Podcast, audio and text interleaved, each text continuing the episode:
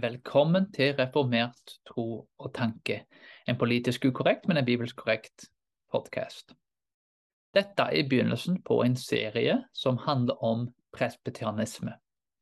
Jeg vil altså spørre spørsmålet hva er presbyterianisme? Hva betyr det å være en presbyterianer?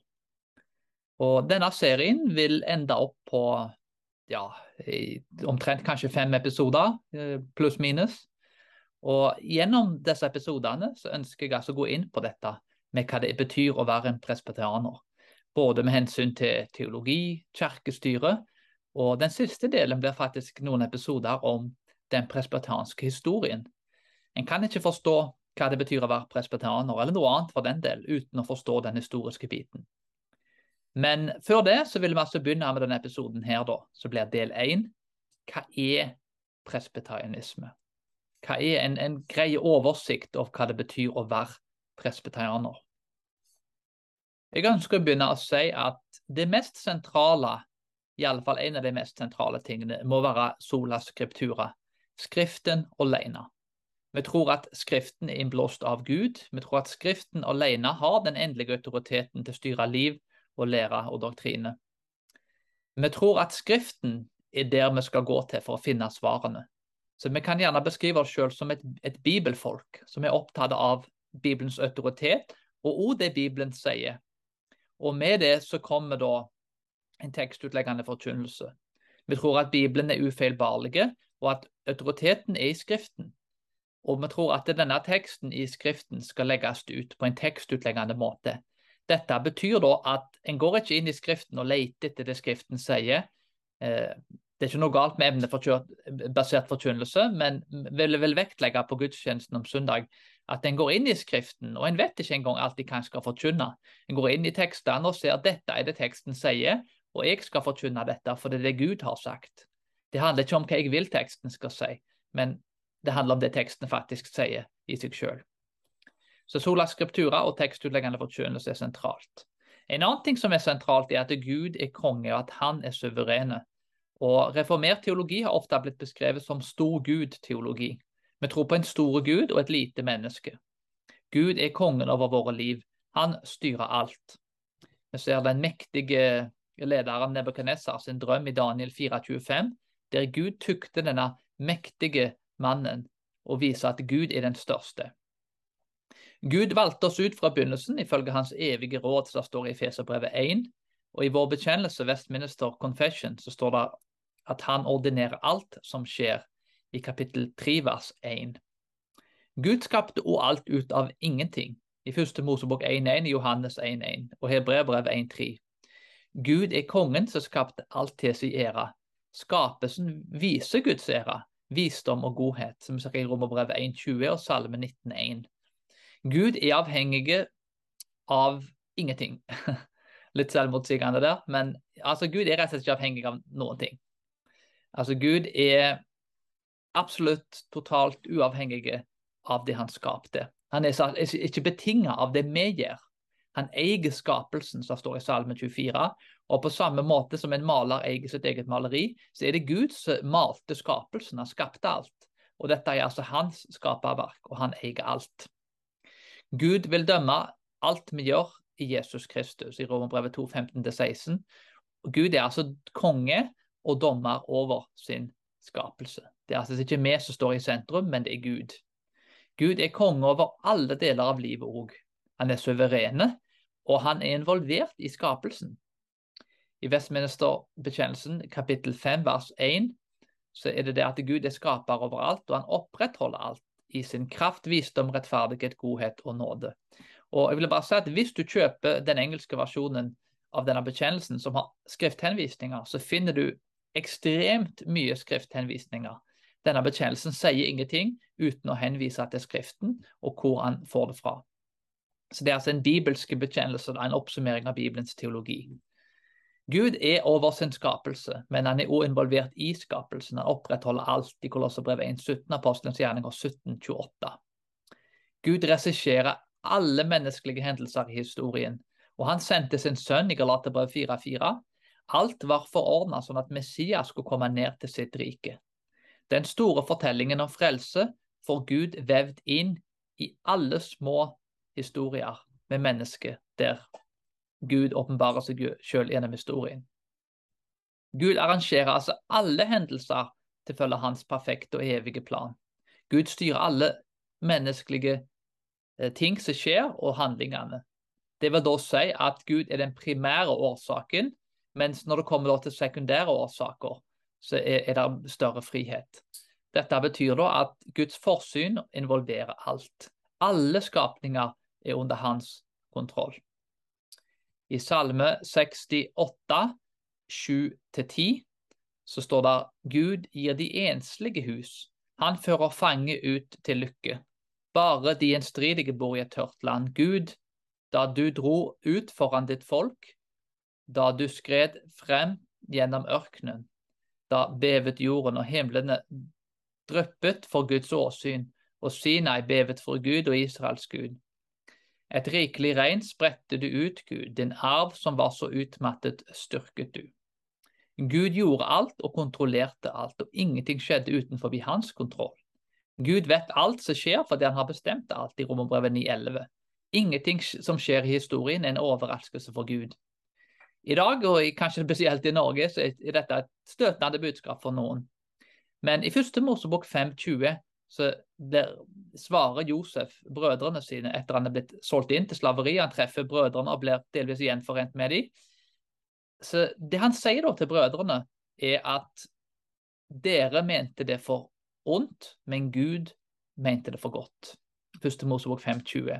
Og det er et veldig interessant uh, vers, fordi at Josef sine brødre valgte åpenbart å selge han inn i slaveri av sin egen frie vilje. De gjorde det fordi de var misunnelige og fordi de ville være slemme mot sin bror. De var ansvarlige for det de gjorde. Det var ikke Gud som tvang de til å gjøre disse tingene. De valgte det på egen hånd. Men samtidig så hadde en Gud en plan med dette.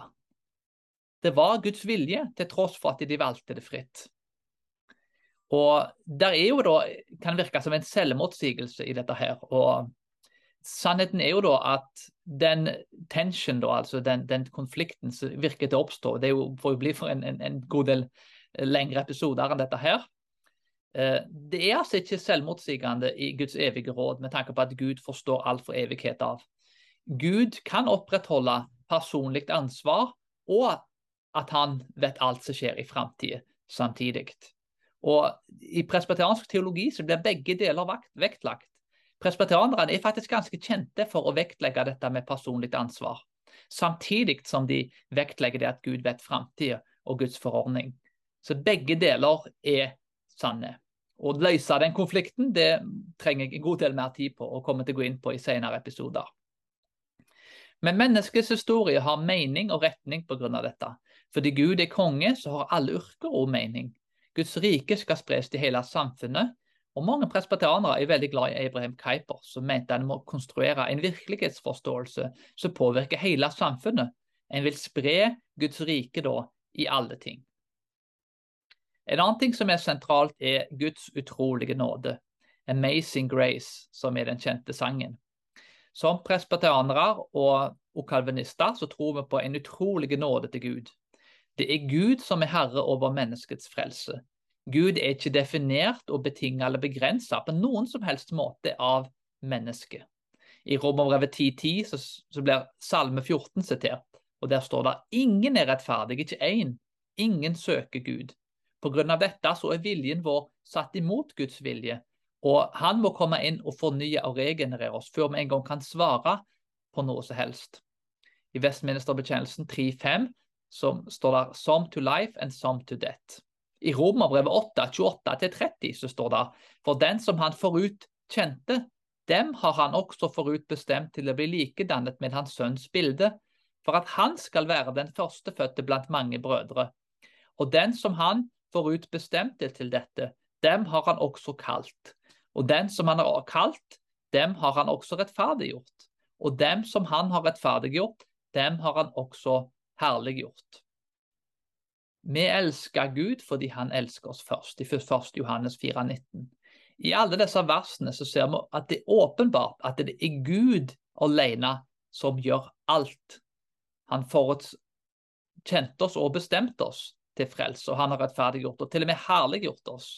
I Feserbrevet 2,8-10 ser vi at de ferdiglagte gjerningene, livet i Kristus til og med, i tillegg til nåden og troen, er som et resultat ikke av våre egne gjerninger, står det i Feserbrevet 2,8-10. Det er så at ingen skal skryte, men det er Jesus Kristus, og det er Guds verk, og ikke vårt. Dette ble jo da ofte kalt tulip, altså de fem punktene. Eh, egentlig eh, var dette da en respons til Dutch Synod of Dort i 1618 til en gruppe som heter The Remonstrants, som var en gruppe teologer som var ledet av en teolog som heter James Arminius, som protesterte mot den dominerende teologien i Nederland. Og Det var et angrep da på den nådelæren til de som ble kalt reformerte. Tulip ble jo da et forsvar av nådelæren som allerede da eksisterte, som du finner både i Bibelen, du finner det hos Augustin, som den store kirkefaren, du finner det flere andre plasser, bl.a. i middelalderen.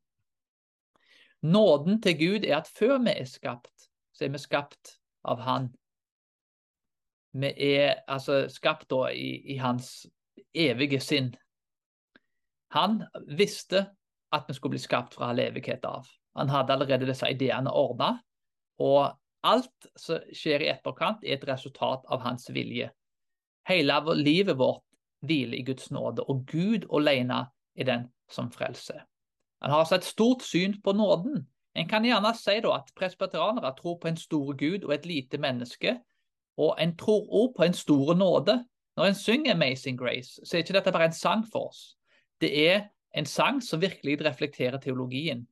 En utrolig nåde. En nåde som er totalt 100% ufortjent. Gud alene frelse. Og Det bringer oss til et nytt poeng, en annen ting som er sentrale, som er Guds sannhet, løfte, styremåte, pakt og rike. Guds pakt er måten han forholder seg til folk på, altså sitt utvalgte folk. Guds pakt begynte i hagen med én pakt, som ble kalt gjerningene sin pakt, som Adam da ikke holdt. Han brøt budet om å spise treet i hagen. Etter syndefallet så er vi under nådens pakt, som Jesus etablerte ved sin død og oppstandelse. Guds rike ble spredt og kulminert i Kristus, som sprer dette riket over hele verden.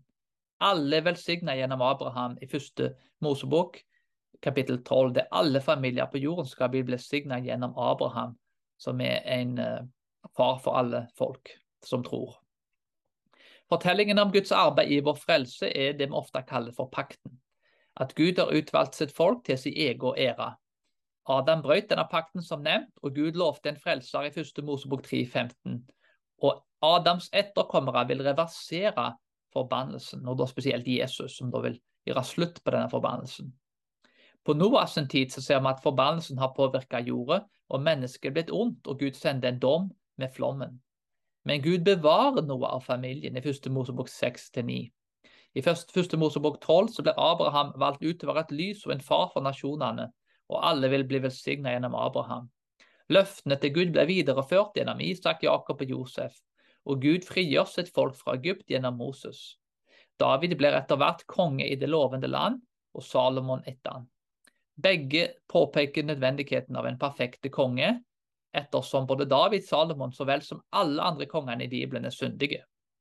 Gud sendte til slutt sin evige konge, sin sønn, i Galaterbrev 4-5 en tjener, ifølge Jesaja 53, for å frelse menneskeheten. Og Jesus er paktsteologiens endepunkt. Dispensasjonalismen, da, husholdningslæren som det blir kalt av noen, står i strid med den presbeteranske teologien. Det er faktisk en serie om uh, husholdningslæren på denne podkasten. Så hvis du vil se den, så kan du gå gjennom de fire episodene. Vi som er presbeteranere, tror på kontinuitet mellom Gamle og Nye testamentet. At det er én fortelling, én sannhet, et håp og et folk. Det handler om at Gud gir folket frelse på én måte. Det er én frelser for ett folk. Det handler om at denne frelseren er kommet for å bygge opp og spre sitt rike på dette jordet, og at i Markus 1,14 så må vi omvende oss for Guds rike er nært. Guds rike er altså ikke av denne verden. Det handler om at Guds rike skal koble mennesker med Gud over hele verden.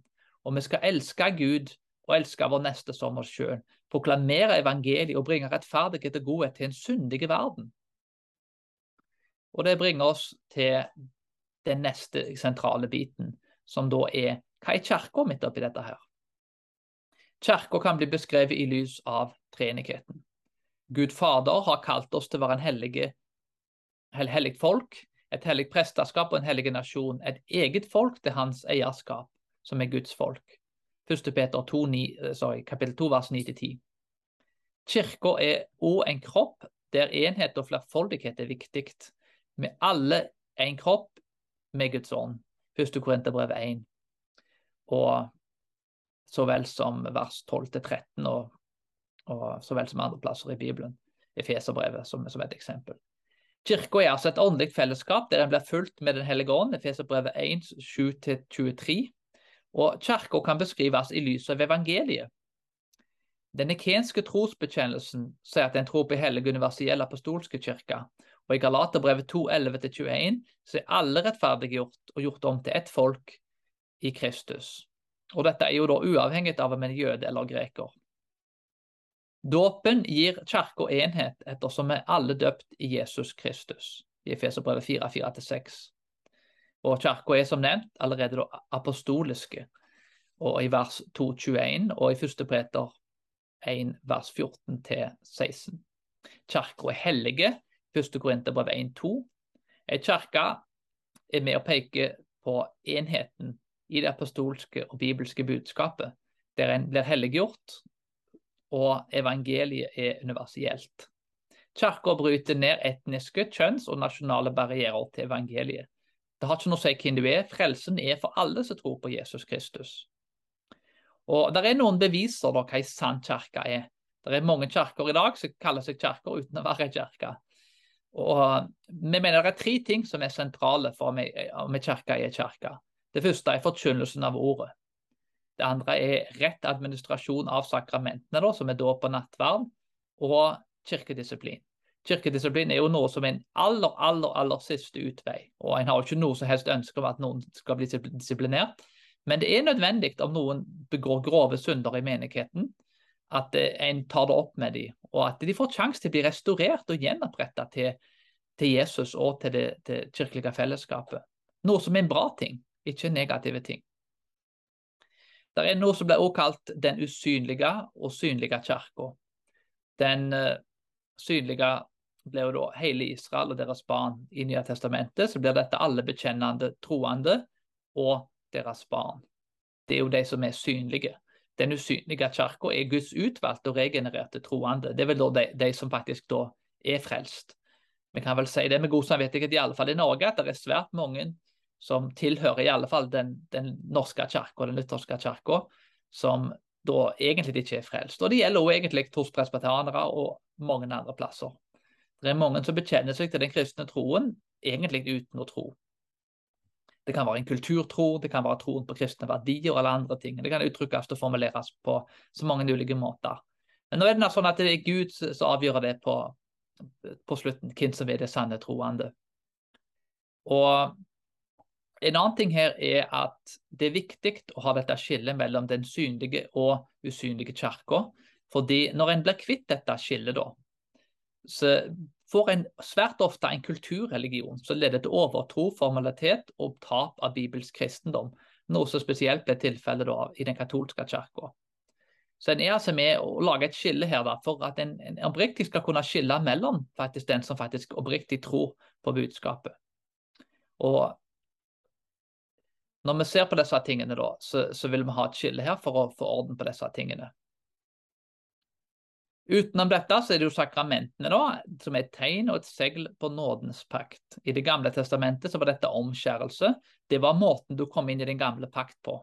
I Det nye testamentet så er dette dåp. I Det gamle testamentet så var det påskemåltid, eller passover. I Det nye testamentet da, så er dette erstatta av nattverd. Og dåp og nattverd da er to sakrament. Og Dåpen handler om å komme inn i pakten, og nattverd handler jo da om å fortsette i pakten og ta del da i frelsen til Jesus Kristus, og kontinuerlig da bli påfylt av alle de tingene som Kristus gir da, som en frelst og som en kristen. Utenom dette da, så er vi jo ei konfesjonell kirke. Vi er konfesjonelle i det at vi følger Vestministerbetjenelsen i 1647. Dette er en bekjennelse som er veldig forankra i Bibelen, og har av mange blitt beskrevet som reformasjonens teologi, oldkirkens fedre og bekjennelser, og aller viktigst da, en oppsummering av det som står i Bibelen. Og jeg regner kanskje som en, en samling av altså reformasjonens teologi, oldkirkens bekjennelse og Bibelens budskap, samla i en oppsummering. Jeg kan gjerne tenke at ja, jeg følger bare Bibelen, trenger ikke bekjennelser. Mens i realiteten så har alle bekjennelser. Forskjellen er bare at noen skriver de ned, som Carl Truman en gang sa, en, en teolog i Amerika. Så dette med bekjennelser er så enkelt for at i plassen for at hver gang du skal si bare følge Bibelen, så har en altså 31 kapitler der en da sier hva Bibelen sier om disse tingene, og hva vi tror han sier da. Så at det skal være mye enklere å lete seg fram og faktisk kategorisere hva folk tror.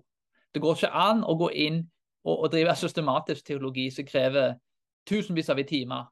Men har en et kapittel som oppsummerer et evne i Bibelen, så kan en mye lettere gå inn og diskutere disse tingene. Så det er en måte å egentlig å, å kategorisere ting og uttrykke, formulere det en mener. Og Bekjennelsen er ikke ufeilbarlig, det er det kun Bibelen som er. Så den blir forandra på hvis det er noe som en opplever feil, og noe som en opplever ubibelsk. En annen ting som presbyterianere vektlegger i veldig stor grad, og dette er kanskje noe som egentlig oppsummerer faktisk Calvin sin teologi, og aller viktigst Bibelens teologi. Det er Guds ære. What's the chief end of man, sier til den lille katekismen vår. To glorify God and to enjoy him forever.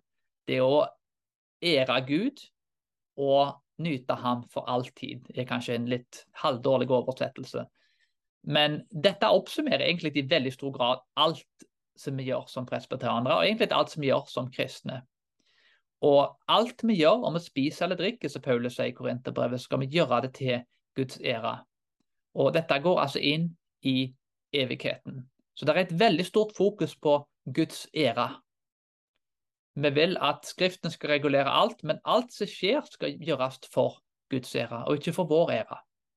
Som mennesker så har vi en tendens til å ære oss sjøl, men Gud krever å bli tilbedt på rett måte og bli hedra, og at vi ærer Han i alt vi gjør. Og For å oppsummere dette her da, så vil jeg si at eh, sola skriptura, tekstutleggende forkynnelse, Gud er konge, Gud er suverene, Guds utrolige nåde, Guds sannhet, løfte, styre, pakt og rike, sakramentene som et tegn og seil på nådens pakt, er kirka med betjenelser, konfesjonelle kirker, og at vi gjør alle disse tingene til Guds ære, og at vi ærer Gud og nyter Ham for alltid, er en grunnleggende oppsummering av hva presbyterianisme og presbyteriansk teologi og hva presbyterianerne står for som helhet er. Det blir flere episoder om disse tingene. I episode to kommer jeg til å fortsette å gå inn på disse tingene, hva det betyr å være en presbyterianer. Jeg håper at disse tingene var til hjelp for deg, at du ja, muligens har lært noe nytt og fått utbytte av dette budskapet og denne episoden. Hvis du har det, så anbefaler jeg at du også ser den neste episoden som kommer ut i nærmeste framtid. Takk for i dag. Vi snakkes snart igjen.